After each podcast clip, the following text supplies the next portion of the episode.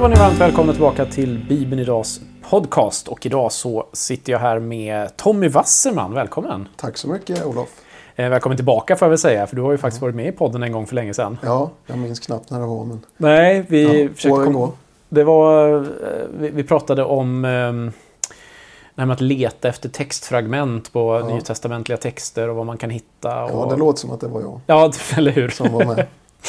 Eh, och för den som inte vet vem du är så bad jag en av dina kollegor att presentera dig. Och eh, Mikael Telbe eh, sa ungefär så här. Han är en duktig bibelforskare med specialitet på nytestamentlig textkritik. Leder forskargrupper världen över. Men är också en mycket hängiven handbollsfantast som älskar att spela innebandy på söndagskvällar. Han har en av de mest kaotiska bilarna eller insidan av en bil som Telbe någonsin har sett. Ja. Och den påminner väldigt mycket om ditt skrivbord, hävdar han. Ja, Eh, och han är också, du då, en mycket uppskattad kollega eh, och vän. ja. Tycker du att... Det var eh, ju en jättebra presentation. du, du Jag tyckte hade det? några eh, bekanta som kallade min bil för ICA Maxi. ja, jag är väl lite slarvig med att ha saker lite överallt i bilen ibland. Aha, okej. Men ibland så städar vi ur den. Någon gång ibland. Ja. Så eh, vad läser Tommy Wasserman på sommaren? Vad läser jag? Jag har faktiskt eh, läst en bok som heter eh, Sisters of Sinai. Tror jag titeln är. Och eh, den handlar om två systrar, skotska, som eh, gjorde resor i Orienten. Mm. Man, de var väldigt oväntade. Ett, alltså kvinnor på den tiden, de eh, lärde sig eh, syriska och andra orientaliska språk och eh, gav sig iväg för att leta handskrifter. Okej. Och det, det ju, var ju en väldigt spännande berättelse om hur de fann en del väldigt, väldigt viktiga handskrifter. Inte minst då den här, eh, ett av de äldsta, eh, ett av de två äldsta syriska handskrifterna till evangelierna. Ja. Så, som eh, var väldigt betydelsefullt. Just de här tvillingarna och alla deras äventyr. Så ja, en Mm. biografi helt enkelt. En biografi om Den har jag läst. textfragment. Ja, om det här med äventyren att eh, vara på jakt efter Mm. gamla urkunder och i avlägsna kloster, du vet. ja, just det. Spännande saker. Så för den som då inte eh, på en sån beskrivning förstår vad, vad du gör egentligen.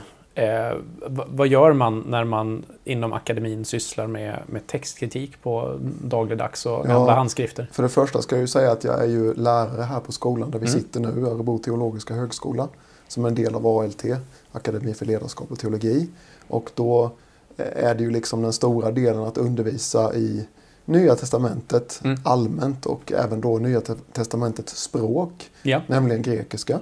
Eh, sen kommer man ju in en del på, ja, eh, vad då grekiska? Varför grekiska? Jo, därför att Nya Testamentets böcker är helt enkelt skrivna på grekiska. Mm. Och de eh, kom ju inte ut från en tryckpress eh, på eh, apostlarnas tid, utan det var ju handskrifter redan från allra första början. Och eh, det finns ju massa handskrifter bevarade.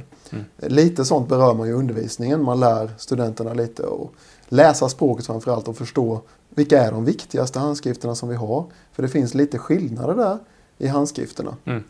Och att eh, sen då så är det ju mitt forskningsområde. När jag har tid att sitta och forska själv, då djupdyker jag ju i detta då och har ja, skrivit en del artiklar och böcker om ämnet. Mm. Det är ju en man kan ju säga att det, det är ju någonting som jag är oerhört intresserad av så att man får liksom hålla på med sin hobby nästan Ja, på arbetstid Ja, eh, i den mån man har forskningstid. Och nu tillbaka, vad var frågan, vad var frågan du ställde? Så, så vad gör du egentligen? ja, vad vad är... gör jag ja, egentligen? ja, men det är ett ganska bra nej, svar. på men textkritik, eh, det kan ju låta lite, just nytestamentlig textkritik, låt kanske lite kritiskt och lite torrt och lite dammigt och sådär. Men om man säger så här, handskriftsforskning eller eh, att upptäcka saker om Nya Testamentets text och dess handskrifter. Mm. Då kanske det låter lite eh, mer spännande och ja, inte så kritiskt. Nej. Men kritik kan man ju så att säga eh, definiera på många sätt. Ordet kritik. Mm. Här handlade det ju om att eh, eh, egentligen det, det klassiska målet för textkritik är ju att ta reda på utifrån de handskrifter som är bevarade Mm. till en viss text. Vad som är den ursprungliga texten. Hur började det hela och vad är det som har gett upphov till de här olika varianterna Mm. som finns. Ehm, och eh, sen har man ju på senare tid, eh, om, om man säger det här målet att fastställa ursprungliga texten dominerade kanske på 1700 och 1800-talet. Nu på 1900-talet och in i 2000-talet så har det ju också breddats till att man är mer intresserad av också textens hela historia. Hur har texten och varför har den ändrats och hur har man eh, det kan ge inblickar i kyrkans Mm. historia helt enkelt, de här handskrifterna. Och eh, hur har de använts, de här olika handskrifterna, i vilka sammanhang? Så man är mer intresserad, eh, det har blivit ett större intresse kring textens hela historia egentligen. Just det. Eh, Och det avsnittet vi har långt ner i arkivet, om ni söker på, Mm. på Tommy, så kommer ni hitta en hel del om just vad, vad det här innebär och vad det är man gör och, och Mm. hur, hur man letar efter ja, men, både ursprungstexten Mm. men också eh, så. Får jag ta ett exempel Ja, men gör för det. lyssnarna som kan vara pedagogiskt? Jag brukar nämligen ge mina studenter det. Och det är ju i kyrkan som vi sjunger en del lovsånger. Mm. Och då finns det ju den här lovsången Vi vill hylla och tillbe dig. Jag vet inte om Mm. du har hört den. Och så Jo. kommer det en refräng. Du är skönast av alla. Du är strålande vit och, vad brukar du sjunga Olof? Ren. Ja. Ja. Och då kan man säga att du har majoritetstexten av denna lovsång. Ja. Du är strålande vit och ren. Nästan alla sjunger det. Men det finns en liten rest, en liten ström, som sjunger faktiskt Du är strålande vit och röd. Och jag tittar på dig och du, jaha, Jaha. du ser lite förvånad ut. Varför sjunger de strålande vit och röd? Det verkar ju vara helt eh, oförståeligt. M- Mer fotbolls Men det eh, finns, kopplat. faktiskt, det finns faktiskt en vers i Gamla Testamentet, Höga Visan, Ja. eh, som har den här eh, hyllningen. Och någon som är skön, du är skönare än 10 000 och så vidare. Du är strålande vit och röd. Och när man hittar den nyckeln, då kan man ana att författaren till den här lovsången. Troligen skrev du är strålande vit och röd. Men genom kyrkans historia, ganska kort historia Ja. nu vi talar om för det är en lovsång va? Ja. Eh, så har det ändrats till strålande vit och ren. Och de här vit och ren de harmoniserar ju underbart fint. Mm. Eh, Vit och röd, ja, det är kanske, men det är lite svårt att förstå. Mm. Och eh, det är så man jobbar med textkritik. Även på Nya Testamentets text helt enkelt. Mm. Att vi har olika varianter. Och eh, skrivare har ibland eh, kopierat fel kan man, ju, kan man ju kalla det då. Mm. Så. Ja, eh, när man letar eh, fakta om dig eller när man söker på dig så upptäcker man att det mesta du skriver är på engelska. Eh, Och det är ju såklart för att du är en del av en internationell forskar eh, liksom, klubb, höll jag på att säga, Ja. forskarkollegium som, Ja. som jobbar med de här sakerna. Men en sak som man springer på ganska tidigt i, i Google-sökningen Okej. är en blogg. Ja, Eh, där ni höll på att, lura mig. Eh, okej. Att ni hade hittat Q-källan. Ja, ja just det. det. Det, det är faktiskt lite, det var ett aprilskämt. Ja. Att eh, man hade hittat den här eh, Q-källan som det kallas. Som egentligen är en hypotes om eh, evangelierna och synoptikerna. Hur de bygger på varandra. Och om det finns en tidig källa de har gemensamt där. Eh, Lukas och Matteus. Eh, förutom Markus då så har de den här Q-källan. Och då var det ett aprilskämt att man, arkeologer har hittat Q. Och det, det underliga är att det har blivit vår mest lästa Japp. bloggpost. och det är lite... Och man ser i kommentarerna att kanske Ja. inte alla går till slutet av artikeln och läser Nej, att... jag att skriver att det är ett... ja. Ja, en avslöjat ett skämt. Ja. Men eh, det, det som intresserade mig var, Mm. eh, ni kallar den här eh, bloggen för Evangelical Textual Criticism. Ja. Eh, alltså evangelikal textkritik om man nu Ja. översätter det. Eh, vad, vad är evangelikal textkritik? ja, vi har faktiskt bloggat om det några gånger och Ja. ställt oss frågan, eller en del medlemmar. Vi är ju en gruppblogg va? Precis. Så vi är några forskare. Men det som vi har gemensamt till att börja med är väl att vi är evangelikaler. Alltså Ja. vi är evangelikala. I, och nu när jag säger evangelikal så har ju det här, det här, den här eh, etiketten har blivit belastad med Ja. åren. Inte minst nu liksom med allt som händer i Amerika och Mm. politik och så vidare. Så evangelicals eh, ja, det, det är lite problematiskt att använda det Ja. tycker jag själv.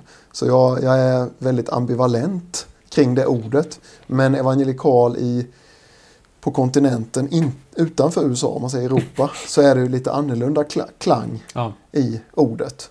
Så, eh, men, men man kan ju säga att man gemensamt att man har en hög syn på skriften och inspiration och att Gud är bakom eh, Bibeln helt enkelt. Mm. Och eh, om man ska säga vad är evangelikal textkritik? Då mitt enkla svar, det enkla är att ja men det är att man redovisar som forskare att ja men jag är personligen kristen och jag är evangelikal. Och så håller jag på med det här. Det skulle man kunna ha som en enkel förklaring. Ja. För det kan bli svårt att definiera vad är evangelikal textkritik. För det är Mm. inte så att vi till exempel när vi, när vi försöker ta ställning mellan olika handskrifter att vi då måste ledas av den heliga ande eller något sånt. Mm, mm. Eh, Att det skulle vara något sånt. Utan själv vill jag vara eh, en forskare som eh, håller på med ja, vetenskaplig textkritik. Eh, som vilken annan textkritiker som helst i princip. Mm. Att jobba med de kriterier som, som finns. Sen eh, kan man ju säga att den här ursprungliga texten då som man försöker rekonstruera. Mm. Då kanske jag då tillskriver den en viss status utifrån min personliga tro. Mm. Men det är an, en annan sak som jag på ett sätt försöker hålla isär från min vetenskapliga metod om man säger så. Just det. Ja. Så, men, men man kan ju öppet redovisa att man har den här synen. Att, man, att, man har, eh, att Bibeln betyder mycket i ens personliga liv. Just det. Det kan man ju vara öppen med. Det är ganska Men, re- men, renhårigt. ja, sen blev det så att jag gick med i den där eh, grupploggen helt enkelt. Då. Eh, jag driver väl inte liksom att hallå, evangelikal textkritik utan jag ser mig själv främst som nytestamentlig textkritiker. Ja. Och sen är jag troende också. Och det är klart att det påverkar, måste man ju öppet säga. Det är ju ganska en ärlig ingång Mm. eh, som jag tycker personligen ibland saknas från en del forskare. Ja, Eh, så det, det uppskattas. Ja.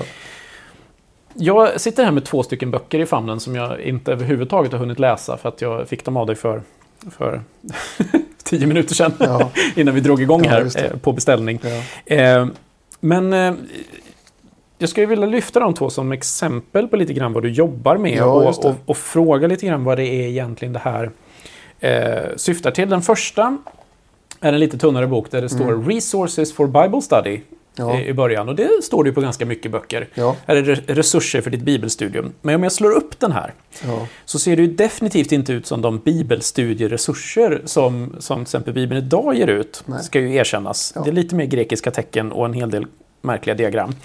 det. Ehm, för det här är en ny approach till textuell, eller textkritik då. Ja, Eh, och sen ska du få förklara. Det är en introduktion till Coherence-Based Genea- genealogical Method. method, Eller CBGM som Ja. jag ser att ni förkortar överallt. Vad i hela världen är detta för introduktionsbok? Ja. Först och Eh, främst den här serien Resources for Bible Study det är ju då det är en serie som ges ut av det här förlaget. Ja, Så vi har, så att säga, vi har inte valt, eh, jag kan hålla med om att eh, det, är inte, det är inte för en, en lekman eller pastor. nej, Utan eh, Study of the Bible, eh, den passas, passar väl kanske lite mer för, ja, mm, för det första att man har med sig det grekiska språket som du själv noterar att man har Ja. läst lite i, läst teologi helt enkelt då.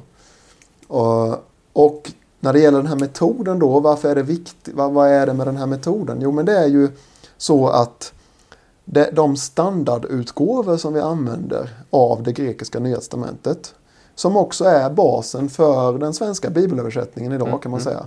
Det är ju eh, ett institut i Tyskland eh, som heter Institut für Neutestamentliche Textforschung i Münster. Som eh, har hållit på i många decennier kring detta med handskrifter och att utforska texten. Och en medarbetare vid det här institutet han utvecklade helt enkelt en ny metod eh, för att värdera de ja, tusentals handskrifter som vi har. Mm. Om man tittar på en specifik bibelbok som Johannes evangeliet till exempel, om vi, tar ett evangelium, Ja. så har det kanske ungefär 1200 handskrifter. och inom vilken tidsram Precis. ska de rymmas? då? Ja. Och då har vi de allra tidigaste papyrerna som kanske är från 100-talet Mm. Eh, av Johannes evangelium fram till boktryckarkonsten och efter boktryckarkonsten när man övergick till tryckta böcker då Så- blir det inte handskrifter men till och Nej. med efter det så finns det handskrifter. Det finns Okej, det en verkligen- period då det överlappar. Det är en Ja. ganska lång period. Det är en och lång period Ja. och de flesta är ju från medeltiden. Alltså Mm. eh, handskrifter som är bevarade. De är sena fast för oss är de ju gamla fortfarande. Ja. Men om man jämför med de äldsta papyrerna så, så, så blir det mer och mer mot medeltiden som vi har bevarade handskrifter. Mm. Men en oerhörd mängd och det finns en oerhörd mängd eh, textvarianter. Mm. Och det, om man tänker på släktforskning, Mm. för att ge den bilden, då är, då är det faktiskt enklare. Det kan vara nog så krångligt med släktforskning. Men, men som regel har man en mor och en far Mm. där man försöker hitta liksom, i släktträdet och kartlägga. Va? Eh, handskrifter, då tänker man, de är väl kopierade från en annan handskrift? Mm. Ja, det är de. Men det kan ha hänt väldigt många saker. Mm. En handskrift, en skrivare kan ha bytt exemplar, alltså den förlagan, under sin kopiering. Mm. Eh, Det som kan ha hänt sen och det som skedde, det var att någon rättade kopian efter en annan handskrift eh, och gjorde rättelser i texten. Och när den sen kopieras i sin tur, då blir ju det här en blandning. Så Ja. det är oerhört komplicerat. Eh, Nya testamentets texthistoria är som ett virvar. Och, eh, Som din bil. Ja, precis. Min bil. och då, då eh, kan man säga att med hjälp av datorer Ja. och med hjälp av vissa steg eh, så är den här metoden som har utvecklats, enligt min mening och många andra, eh, den bästa hittills för att så att säga eh, kunna hitta rätt i den här, eh, här, den här webben, om man säger så här, spindelväven av, av eh, handskrifter. Så det handlar om att försöka värdera vad är, vad är troligast närmast ett original. Ja, det kan man säga. Ytterst sett så handlar det om det. Och att kartlägga textens historia. Och att Ja. kartlägga huruvida det är troligare att någon viss variant har uppkommit genom slarv Ja. av en skrivare. Eller att den verkligen har ärvts, alltså att den har eh, kopierats från en förlaga. Just det. Eh, det vill man också komma åt då. Va? Eller att vissa varianter i Nya Testamentet kan ha uppkommit flera gånger i textens historia. Oberoende av varandra. Som det här med strålande vit och ren. om Man säger så här, var det en person som började sjunga så i, i sina lovsånger? Eller kan det ha skett på flera håll samtidigt? Och så vidare. Hur gick den här övergången eh, till?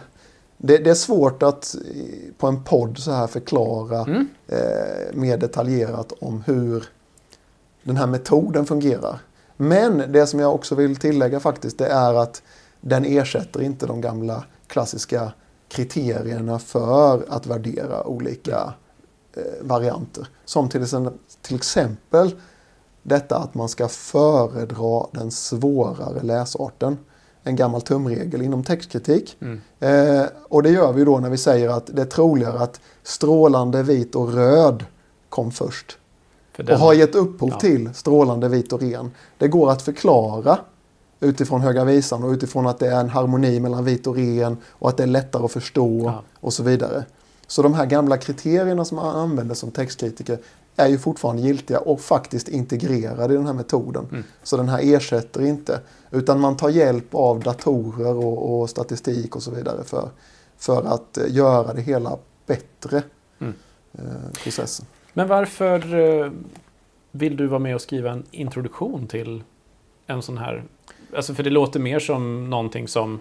Ja, det är bra att de sysslar med det. Just det. Eh, Men varför, varför skriva en introduktion till? Ja, eh, jag har själv använt mig delvis av metoden Ja. och eh, i specifika fall och sen så presenterade jag det på en konferens och då var det så att eh, en från det här eh, bibelsällskapet i Tyskland som ger ut de här utgåvorna så som förlag eh, kom, frågade mig då efter presentationen skulle inte du kunna skriva en introduktion till den här metoden? Mm. Därför att de som har uppfunnit den, de har inte, de har inte lyckats förklara den så, så, så bra. De behövde någon som förstod metoden och som också hade förmågan att pedagogiskt eh, förklara den. Och jag sa väl att ja, jo, jag gick och drog på det där. Men sen, sen så kom jag på att jag skulle också fråga en yngre eh, eh, kollega som höll på att doktorera på den här metoden faktiskt. Han, Ah. han gjorde som sin avhandlingsprojekt att undersöka metoden och försöka så säga, kritisera den och vända och vrida på om det här verkligen funkar. Och han heter Peter Gurry. Mm. Och då frågade jag också honom, vill du vara med mig och skriva den här boken? Du som hållit på med den här metoden. Eh, och då beslöt vi oss att göra det. Mm. Och då tog det ett år att göra det. Mm. Alltså inte ett års heltidsarbete men under Ja, ett år så färdigställde vi den här boken. Som en introduktion till att förstå Ja, a new approach. ja. Just det. Så det här är ett exempel då på hur du försöker hjälpa människor i, i, inom forskarvärlden till stor ja del. den, är, Att- den riktar sig till verkligen en speciell publik. Ja, precis. Men vi har också ett annat exempel här. Ja. Eh, en, en tjockare bok då. Eh, Mm. Som heter Att kasta den första stenen, eller Cast the first stone om man nu vill söka på den, för den är på, Mm. på engelska. Eh, som, om jag förstår det rätt, handlar om en enda bibelberättelse. Ja, Ja. Eh, och då, det, ska man ju, det, det, det, det, är i fokus på den bibelberättelsen, Ja. absolut. Eh, och då är det ju så att eh, för den som är snabb i huvudet så ser man ju att det handlar ju då om, om eh, berättelsen om kvinnan som, som eh, de kommer med till Jesus. Och det Jesus avslutningsvis säger att den som då är fri från synd, säger de väl? Ska kasta den första Eller stenen. utan synd. Ja. Utan synd. Det finns lite olika översättningar. Ja. Varför har just den här texten introducerat dig, äh, in, intresserat dig? Ja, man kan ju säga som så att det är ju en av de mest älskade evangelietexterna. Mm. Och den tilltalar, alltså det här med att vara ut, den som är utan synd ska kasta första stenen. Bara den eh, versen och Mm. de Jesusorden har ju blivit bevingade ord i vårt och flera andra språk. Eh, Har du sett Bams- därför så valde vi också To cast the first stone Ja. som titel. Eh, många känner till, och de kanske inte ens vet att det är ur Bibeln, eh, så att säga. Har du sett Bamse-serien? När Skalman har läst den boken? Har han, har han läst den? Ja, jag ska visa den sen. Det, det, sen. Den är fantastisk. Det är, eh, en, det är en konflikt mellan några barn och så Jaha. säger, eh, säger Skalman till, eh, till barnen då att Nej, men då gör vi så här att det här barnet som då har gjort någonting dumt eh, du får lägga alla dina kulor här och så får alla gå och ta ett visst antal kulor och då säger den här räven då, eller vem det nu är, att, att ja men då kommer jag snart inte ha någonting kvar. Nej, nej, säger Skalman. Ja, men ja, jag vill ju fortfarande vara vän med de andra. Och så säger Skalman att den som aldrig har fuskat någon gång kan få komma fram och börja. Ja. Och då slutar det med att ingen kommer fram och tar någonting, inte ens Bamse, inte ens Skalman. Och på vägen bort då eh, så, så frågar Bamse så här, hur kommer du på allting? Och då säger Skalman, ja, jag läste faktiskt det här i en bok.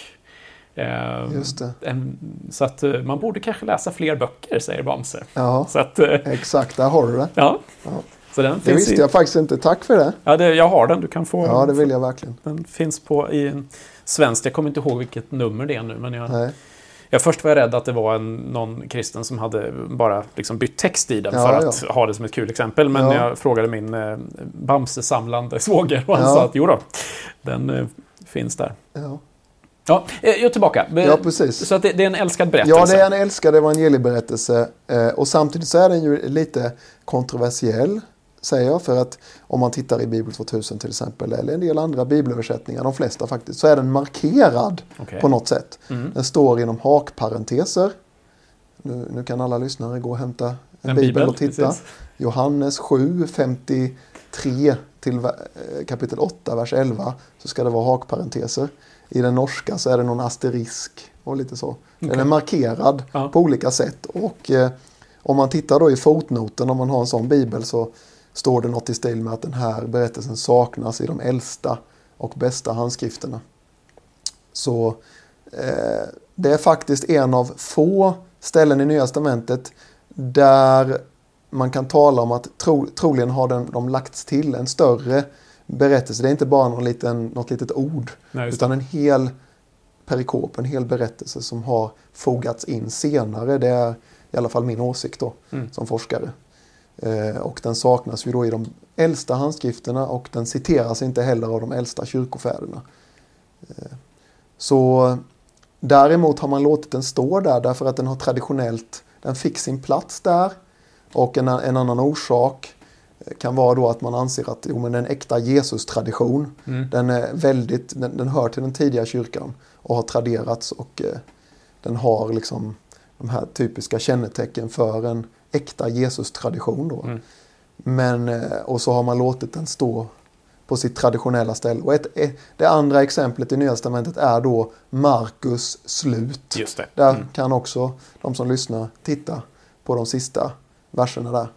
Eh, på Markus evangelium. Ehm, där det också då saknas i tidiga handskrifter, detta slut. Men vad, vad gör ni av det i, i en så här tjock bok? Ja. Och, och som inte redan är sagt. För menar, även före den här var skriven så, så var det ju hakparenteser i biblarna. Ja, exakt. Och det vi försöker göra nu är att eh, inte bara konstatera att så här ska det nog vara, utan var kommer den här berättelsen ifrån? Mm. Vad är de tidigaste tecknen på den? Och eh, hur kan den ha kommit in i Johannes evangelium? Och Mm. var kan den ha kommit in? Och när ungefär? Ja. Och hur har den fått sin plats? Hur har den så att säga kunnat stanna kvar både då i väst i, de latin, i den latinska traditionen och i öst i grekiska och, och så vidare. Hur har den fått sin eh, plats där och eh, överlevt Mm. och eh, blivit säker helt enkelt på till slut. Fick sin plats i Johannes och eh, hur gick det till? Mm. Bokproduktion och, och sådant. Hela, hela historien verkligen. Ja, hela, hela historien eh, fram till medeltiden.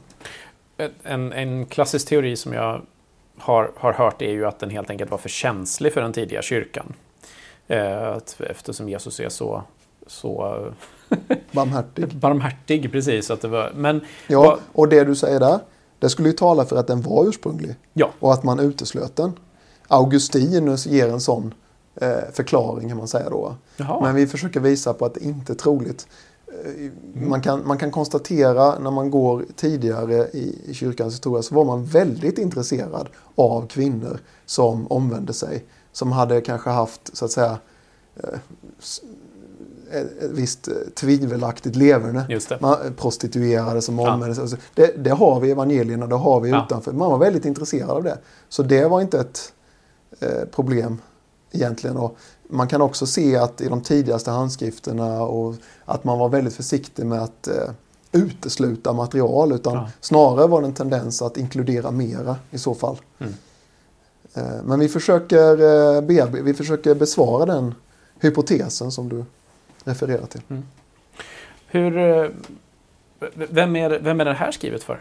Om det andra var ganska så in, inom forskarvärlds... Eh, Ja, den här måste jag väl erkänna är väl också eh, kanske inte lika specialiserad som den där metodboken. Det är den ju inte. Men den kräver väl lite av läsaren. Mm. Och det är mycket, men det är ju mycket fotnoter, de kan man ju hoppa över. eh, det är ganska rejäl men- uppslagsdel, det ska men- sägas. Ja, precis. Nej, men den är nog lite den är bredare. mm. Så jag skulle säga intresserade lekmän som ändå läst en del eh, teologisk litteratur och så vidare Mm. kan tillgodogöra sig den. Hur tänker du att, alltså som, som forskare då, eh, så förstår jag att du, du är väldigt intresserad av de här ämnena. Du älskar gamla manuskript. Det finns en ganska rolig video på YouTube där du står och visar upp olika saker du har på ditt arbetsrum. Och man, man verkar verkligen att det är någonting som du, som du brinner för. Eh, men ser du också det du gör som, som någonting som är viktigt för framtidens bibelöversättningar? Ser du att en, en, en sån här bok som med, med diskussionen kring just den här berättelsen kan komma att påverka framtida bibelöversättningar? Bibel, alltså, vi tänker oss en, eh, en bibelöversättning när Bibel 2000 ska bytas ut till exempel. Ser du att det du gör kan ha en direkt påverkan på det? Eller är det, är det mer inom, eh, inom forskarvärldsfokuserat? Eh, Nej, jag, det, det har påverkan. Ja. Det har absolut påverkan. Nu, nu har man eh, i Tyskland reviderat, eh, eh, man, man ska ge ut Bibeln, eh, Luthers eh, översättning. Eh, jag kommer inte ihåg exakt vad de kallade den där Nej. versionen. Men då hade de refererat, då handlade det om Judasbrevet och vers 5. Vem förde folket ut ur Egypten? Och där finns det i handskriften en variation mellan Jesus faktiskt. Jesus förde sitt folk ut ur Egypten och Herren förde sitt folk ut ur Egypten. Och Gud förde sitt folk ut ur Egypten. Och till och med i någon handskrift, faktiskt en papyr, Gud Kristus förde Oh. sitt folk ut ur Egypten. Men den, den är inte ursprunglig den Nej. eh, varianten. Men, men den här Jesus får mer och mer mark faktiskt. Och den finns i senaste vetenskapliga utgåvan. Och den eh, finns ju stor eh, chans att den varianten kommer i moderna bibelöversättningar. Men jag har faktiskt i min avhandling om Judasbrevet argumenterat för Herren. Som vi har då i Bibel 2000. Okej. Herren. Eh, att det, och det, då refererade man till mi, mitt arbete när man, eh, i Tyskland då. När man satt och diskuterade Mm. hur man, vad, vad man skulle välja. Likaså pågår det nu en debatt i England om eh, en katolsk, eh, alltså det man Ja. läser i kyrkan vet jag, jag såg i veckan här. Och då hade de också läst min artikel i Lukas. Och det handlade om Marta och Maria och eh, refererade till eh, någon artikel jag skrivit.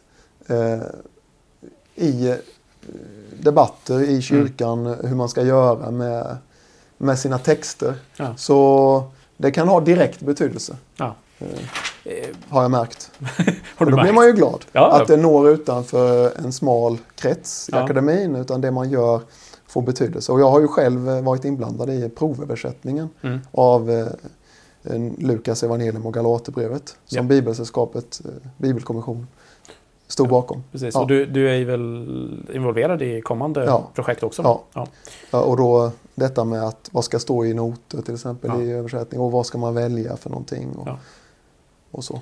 Hur, hur många, nu till exempel i det nya projektet då, vi ska prata mer om det i podden när, när Mm. det har kommit längre, men då ska ju bland annat Filipperbrevet översättas. Som textkritiker då, när du blandas in mellan här, tummen och pekfingret, om du inte nu har det i huvudet, man vet ju aldrig. Eh, hur många platser i ett Paulusbrev till exempel är omdebatterade rent, rent eh, alltså, textkritiskt utifrån handskrifter? Är det liksom, ja men det rör sig om två ställen, eller är det 200 ställen som man håller på och, och, och diskuterar när man gör en sån översättning? För att det är ju en sak att ha en grekisk text och fundera på hur ska det här översättas? Mm. Det är en annan sak, vilken grekisk text ska vi ens utgå ifrån där Just det, det. finns varianter? Ja. Hur, hur, hur ofta är det varianterna är så pass stora eller så pass viktiga att de behöver diskuteras i ett översättararbete som det? Ja, Har, du, har du någon känsla? ja,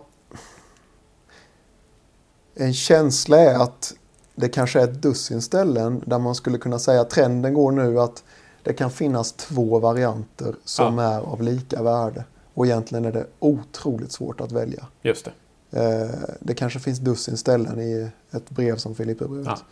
Eh, sen kanske det finns ytterligare ett antal ställen där man är ganska säker på. Men man bör ju ändå nämna att det finns varianter och så vidare. Va? Och det här Så- noterna kommer in. Ja, Mm. men eh, nu i de senaste vetenskapliga utgåvorna så har man då infört eh, olika tecken och ibland två rader. Där man har då två varianter som man tycker är lika. Det är, det är väldigt speciellt och eh, det, jag vet inte om det finns någon bibel som gör så. Det skulle vara väldigt kontroversiellt kanske. Ja, Eh, utan det brukar stå i fotnoter. Men att trycka båda i texten, som, Ja. som, eller, eller i marginalen, visar på att den här är lika... Vi kan inte bestämma oss vilket, vad det stod från Nej. början. Jag vet att Kärnbibeln jobbar ju med att lägga in i löptexten olika varianter på möjliga En översättningar. möjlig översättning. Men jag ja. vet inte om- då, Precis, jag vet inte om de jobbar med, om man jobbar med grundtexterna någonting på det sättet. I, i, nej, det vet jag och inte. då, då skulle man kunna säga i Judasbrevet vers 5 så skulle det vara en rikedom för bibelläsaren tycker jag att få med sig att Herren förde sitt folk ut ur Egypten och att få också Jesus förde sitt folk ut ur Egypten. Att få båda de varianterna redovisade och kanske inte gömda i någon fotnot. En del, en del eh, utgåvor har ju inte fotnoter Nej, nej, ens. Eh, Men, men det, kan, det kan ju föra med sig vissa andra problem. Eh, Praktiskt i hur man i gudstjänster och vad ska man då läsa och så vidare. Så Mm. Det är bra att det finns en text naturligtvis. Men det är samtidigt bra att det finns, eh, och jag ser det som en rikedom, Mm. att man har kunskap om att i vissa, på vissa ställen så är vi osäkra kring, kring Mm. texten. Mm. Och när man då är inne på det här med, med handskrifter och, och att de faktiskt påverkar eh, våra översättningar och, och det jag sen får i min svenska bibel eh, så kommer vi in på en annan sak som du också har jobbat med och det är det här med, med förfalskningar av äldre handskrifter. Och, och, och så, vad, vad gör du där? Jag vet att jag har bara här, fått det från dina kollegor och du skrev det själv också när jag frågade vad du sysslar med just nu. Så skrev du att du, du jobbar, inte med att göra, men att avslöja ja, precis. förfalskningar. Eh, vad, vad, vad, innebär ett sånt arbete? Ja, för det första så är det ju ganska aktuellt nu. Det är en väldigt het fråga. Därför att det har på sista, under sista decennierna dykt upp, som det verkar, eller det är säkert nu, att det är förfalskade Döda havsrullar. Okay. Eh, Döda havsrullarna är ju något av de viktigaste fynden och mm. oerhört betydelsefulla för bibeltexten och översättning och, och så vidare. Mm. Men eh, efter 2002 eller något liknande så började det dyka upp eh, nya fragment som man menade kom från den ursprungliga källan, eh, de här beduinerna som ja. hade hittat eh, i olika grottor och så vidare. Att det fanns så. från den familjen helt enkelt att de hade ytterligare. Eh, men det har ju nu på senare tid avslöjats då genom ett gediget forskningsarbete att det rör sig om ett antal förfalskade fragment. Och det är klart att de har ju då sålts ja. eh, till oerhörda belopp ja. och ställts ut. Till exempel på det här nya bibelmuseet i Washington som har ställt ut eh, några förfalskade. Nu har de ju då tagit bort dem mm. från sin utställning. Under, under en tid så hade de skyltar att utredning pågår huruvida dessa är förfalskade så att säga. De, de redovisade det. Men nu har de även plockat bort det de har konstaterat helt klart är förfalskningar. Som de har betalt, jag vet, inte hur många miljontals dollar. Men det är mycket pengar. Ja, och detta har ju då pågått, alltså att man har förfalskat handskrifter. Ja, den jag håller på med specifikt, det är en ökänd grekisk eh, förfalskare på 1800-talet, mm -hmm. Konstantin Simonides, som eh, förfalskade alla möjliga handskrifter. Han sålde eh, och han hade även äkta handskrifter som han hade tillgång till. Så att han blandade lite. Och ibland när han inte kunde sälja förfalskningar så kom han tillbaka nästa dag och erbjöd eh, riktiga. Så, men det var en riktig bondfångare och han drog från stad till stad i, i Europa och på andra håll. Och försökte eh, sälja sina förfalskningar. Och... Men, men de förfalskningar som vi talar om nu, är de mm. alltså kopior på? Eller är det att man tar fram helt egna? Så att det blir liksom... Han har eh, tagit fram utifrån modeller faktiskt som han har haft av riktiga och någon gång så har han tagit eh, äkta och fyllt eh, på med extra och han har kanske tagit en handskrift och raderat saker runt omkring något äkta och fyllt i och så vidare för att göra något sensationellt. Då. Mm. Det är verkligen utstuderat och eh, in, det var inte helt lätt att avslöja på, på den tiden. Så, som, du, som du jobbar med, vad, mm. vad, innebär ett sånt arbete? Vad gör du? Ja. Jo, men jag håller spe specifikt på med Simonides förfalskningar av nytestamentliga handskrifter. Ja. Och då är det papyrer, papyrushandskrifter. Eh, han hävdade att han hade hittat då i en samling mm. i Liverpool eh, det äldsta eh, autografen helt enkelt i Matteus evangeliet och Jakob och Judas brevet. Och eh, ja, det, de representerar ju lite av urkyrkan i Jerusalem, mm. de här eh, skrifterna också. Så att kanske inte var en slump att han valde dem då. Nej. Men eh, han gav ut de här papyrerna, gav ut eh, böcker om, om dessa då. Och lyckades ju lura både ägaren till papyrerna för att han hävdade att han hade hittat i en viss samling då. Med äkta papyrer som fanns i den samlingen från Egypten. Så att han, det verkar som att han hade eh, lyckats. Han hade ju då fått tillgång till den här samlingen och suddade ut eh, skrift. Och, eller använde baksidan av papyrsrullar. För man skrev bara på en sida på rullar. Mm. Och sen klistrade han upp som man gjorde på den tiden. Monterade dem på papper. Alltså att han vände på dem. Så den äkta texten kan ligga där. Men det kan vi inte få reda på utan att vi förstör. Eh, det går inte få bort nej. alltså? Nej. Så han, han eh, lyckades helt enkelt lura även ägaren till de här handskrifterna. Att han har mm. gjort sensationella upptäckter. upptäckter. Men, men hur, hur, hur avslöjar man sånt? Vad, vad, är det du gör som, som gör att du hittar att det är förfalskningar så att säga? Ja, Är det kemi? Ja, det är många olika saker men det är ju själva skriften, Mm. hur den ser ut, papyren och vad vi vet idag. För då, på den tiden visste man inte mycket. eh, Hur, hur såg en papyrus ut från hundratalet Ah, okej. till exempel? Och, eh, den var till och med då daterad. Något sånt finns inte. Det finns inga daterade handskri- alltså litterära papyrer eh, från den tiden. Utan daterade papyrer kommer långt senare. Att Mm. en skrivare skrev datering. Mm.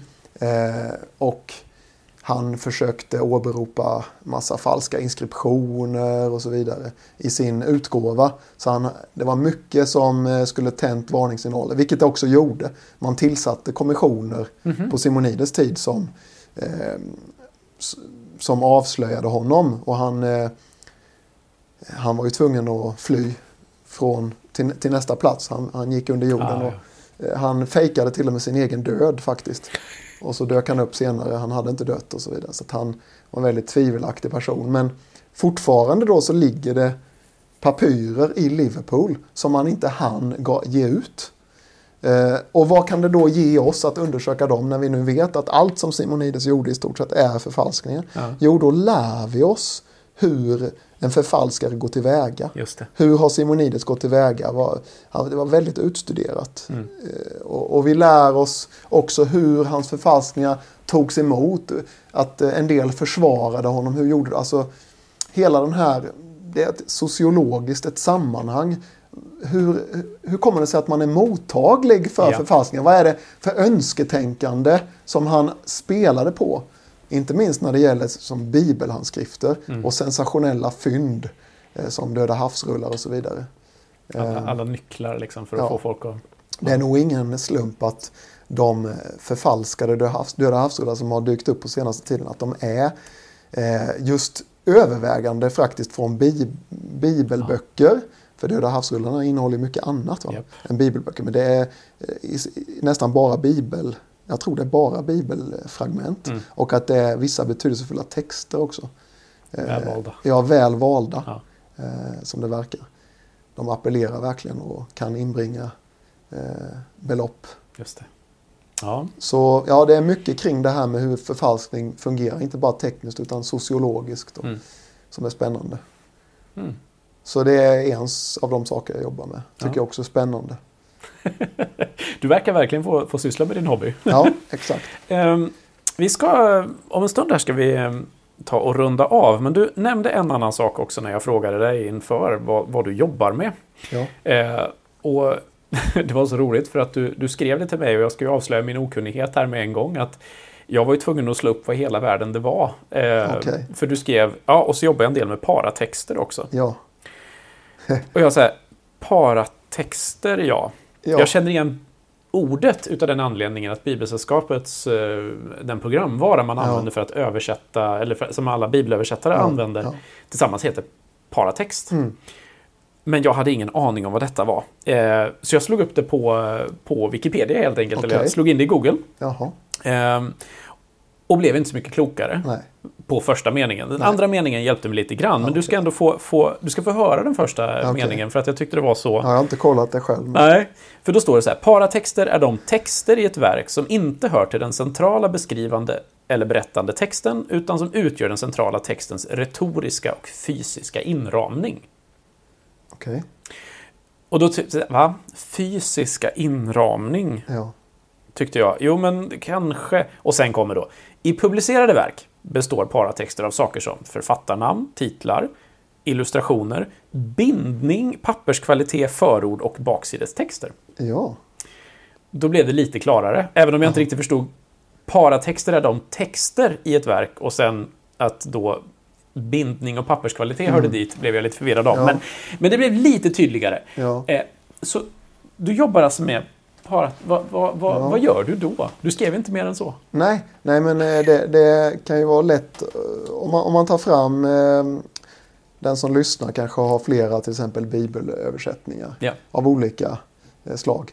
Och då kan man ju sitta och jämföra till exempel vad har de satt för rubriker Yes. på olika eh, ställen. Ta bara den här som vi kallar den förlorade sonen i Lukas 15. Precis vad jag tänkte på. Ja, som heter The Prodigal Son. Ja. Den slösande sonen. Eller den återfunna sonen finns. Ja. Eller åter... Någonting Ja. är det någon översättning som Ja. skriver. Ja. Det är ju paratexter där eh, utgivare, då, redaktörer, Mm. kanske på något bibelsällskap, har valt att eh, sätta rubriker. Mm. Som kanske också, eller inte kanske, utan det påverkar ju vår tolkning naturligtvis. Absolut. absolut. Och hur vissa texter kanske har en annan layout. De eh, kanske är citat eller eh, poetiska. Så de sätts på ett annat sätt i, i texten, en annan Mm. layout och, och så. Och det påverkar också vårt sätt att läsa eh, texten. Mm. Och det är ju exempel på paratexter. Mm. Eh, och eh, efter Paulus brev till exempel i handskrifterna. Om man tittar i King James översättning så har man valt att i den översättningen har man faktiskt tagit med sådana här subscriptions, alltså subskriptioner som forskare inte anser tillhörde den ursprungliga författarens text. Nämligen att det här brevet skrev Paulus till de här och de här när han skulle vara, träda inför kejsar Nero en andra gång och i Rom och så vidare. Alltså, Okej. ja, det har inte jag de, sett. Nej, nej, det har du inte gjort. När de tittar på King James Ja, översättning, måste jag titta göra då nu. i slutet av Paulus brev så kan du se lite exempel på saker som kan komma från handskrifter. Och, det, och de växte faktiskt. Eh, de här subskriptionerna, lik, Ja. liksom titlarna. Titlarna, Hebre, alltså, ska vi säga, ta som exempel eh, eh, eller Judas. Mm. Heter det Judas? Judas brev, den helige Judas brev, ja. Jakobs brors, eh, och, alltså de, de utvidgades, både titlarna mm, och också de här subskriptionerna, de här eh, Avslutningen. där. avslutnings, eh, som, som från början var korta och koncisa, som växte och växte. Och som också då speglar eh, hur man har uppfattat det här brevet och hur man har placerat det, till exempel när det är Paulus brev, Mm. hur placerade man dem geografiskt då? Eh, Vem var kanske brevbärare i något fall? Alltså vem var det som Jaha. var kurir? Och olika sådana i Paulus biografi helt enkelt. Ja. Som är spännande. Och till och med där det finns då konkurrerande eh, subskriptioner. Så, som eh, varianter då. Och vad, vad... Jag förstår att allt sånt här är intressant för en text, Ja. textforskare, men vad, är det något särskilt du... Ja, men- och då blir ju det här stoff till kyrkohistoria och Ja. eh, eh, varför vissa platser, varför vissa personer var viktiga i kyrkans historia. Du vet ju idag om du åker till Jerusalem till exempel Ja. så är det otroligt viktigt vad, vad skedde på den här platsen. Japp. Vilka personer förknippas här och eh, vad, alltså traditioner och reliker och så vidare. Mm. Och även, även de här nytestamentliga breven är betydelsefulla var de skickas och vem som har tagit emot dem först och, och hur de passar in i Paulus brev. Och det ja, hela, heliga minnen helt enkelt som fanns i den tidiga kyrkan. Hur, hur är det här som, som lades till på medeltiden eller är det alltså långt tidigare? Ja, det börjar ju de här kortaste finns ju eh, i äldre handskrifter. Ja. Mycket tidigare än medeltiden, de kortare. Sen eh, vi säga 400-500-talet så är det ju, växer det Okej. och framåt. Är det någonting Det sånt som... eh, Men papyrerna finns inte sådana här långa. Det, okej. det, det kan finnas någon som har någon sån här riktigt kort subskription bara. Som är lik titeln då. Just det. Är det sånt som man som... Alltså, är det sånt som... Är det bara intressant ur ett kyrkohistoriskt perspektiv eller är det sånt som ni har någon nytta av när man tittar även på själva, själva texten, själva bibeltexten i sig? Nej, eh, det skulle inte jag säga. Det, det handlar väldigt mycket om tolkning och eh, hur de här breven har använts och tagits emot i Mm. kyrkans historia. I det här fallet, när det gäller den här paratexten. Mm. Sen finns det ju andra paratexter. Till exempel det här med var ska vi sätta punkt? Det fanns inte i de, i de äldsta handskrifterna så skrev man texten i löpande och det fanns inga mellanrum mellan ord. va? Mm. Eh, sen kommer det lite små mellanrum och vad, det här med punkter och kommatering och olika läsetecken kommer sporadiskt och senare. Eh, Vad är senare? senare ja men alltså i de äldsta handskrifterna har du inte de här Nej, men när, när börjar det komma in? mellanrum och sådär finns Ja. i papyrerna. Och, Okej. Men eh, nej, de, i de tidigaste papyrerna och de tidigaste ha- handskrifterna så är det inte original de här, de här punkterna och så Nej. vidare. Utan det är mer mellanrum och så. Men det läggs till i sådana handskrifter. Så de kan ha Ja, flera okej. lager Ja, ja, där det är senare bearbetning av handskrifterna där någon har satt punkt. Och ibland flera olika har, det finns konkurrerande. Just det, såklart. Eh, Man kan inte sätta punkt här om man har satt punkt där. Vem har, vad var äldst och så vidare. Ja. Så det är ju också eh, Det kan också skilja i moderna bibelöversättningar Mm. hur man har valt att sätta punkter och komman och hur man har valt att indela i det här med kapitel också. Mm. Eh, modernt. Och verser. Det kommer ju också senare. Vi ska avsluta då. Och Ja. eh, jag tänkte att du skulle få eh, en sån här galen fråga Ja. som avslutning. Eh, nu kommer det en, eh, en rik amerikan här och knackar på dörren. För det är alltid rika amerikaner. Ja. Eh, och så säger han Tommy Wasserman, du har fångat mina ögon här. Eh, Ja. Jag har starkt förtroende för dig. Jag skulle vilja sätta av eh, 10 miljoner dollar här för att du under fem år får göra precis vilket forskningsprojekt du vill. Vad skulle det handla om? Oj.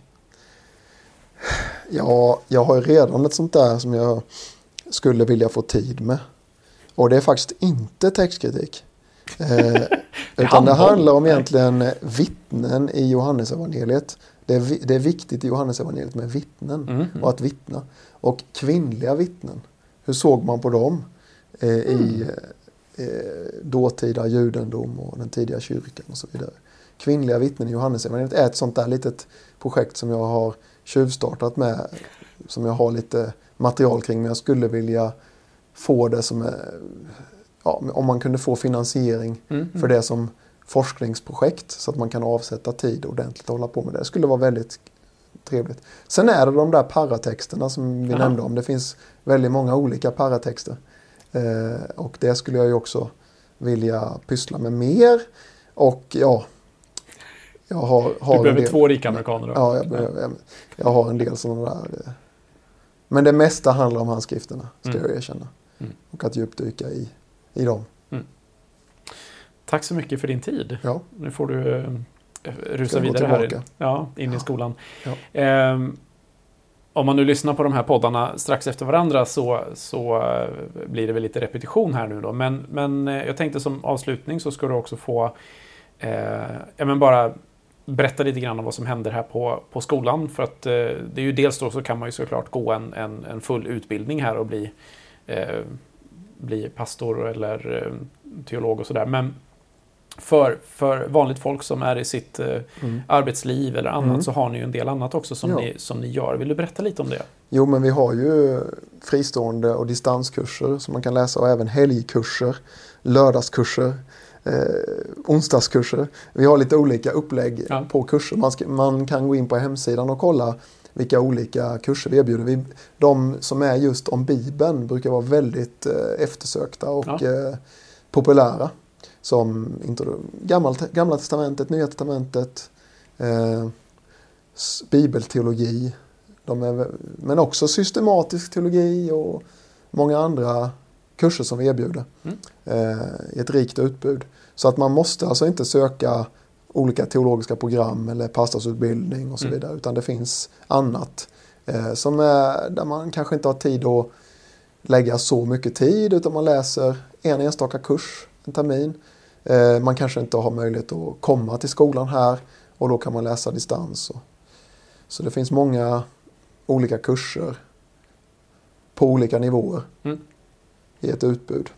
Sen har vi ju regelbundet andra konferenser och så vidare. Men det bästa är väl att följa oss på hemsidan och i sociala medier egentligen. Mm. Det är ett eh, tips. Så att man får reda på vad som händer. Precis. Tack så jättemycket Tack så eh, mycket. för det arbete du gör som eh, hamnar i våra bibelöversättningar förr eller senare Ja. och eh, för tiden du har gett oss. Ja, tack ska tack. du ha. Och tack såklart till alla er som har lyssnat. Vi eh, hörs igen.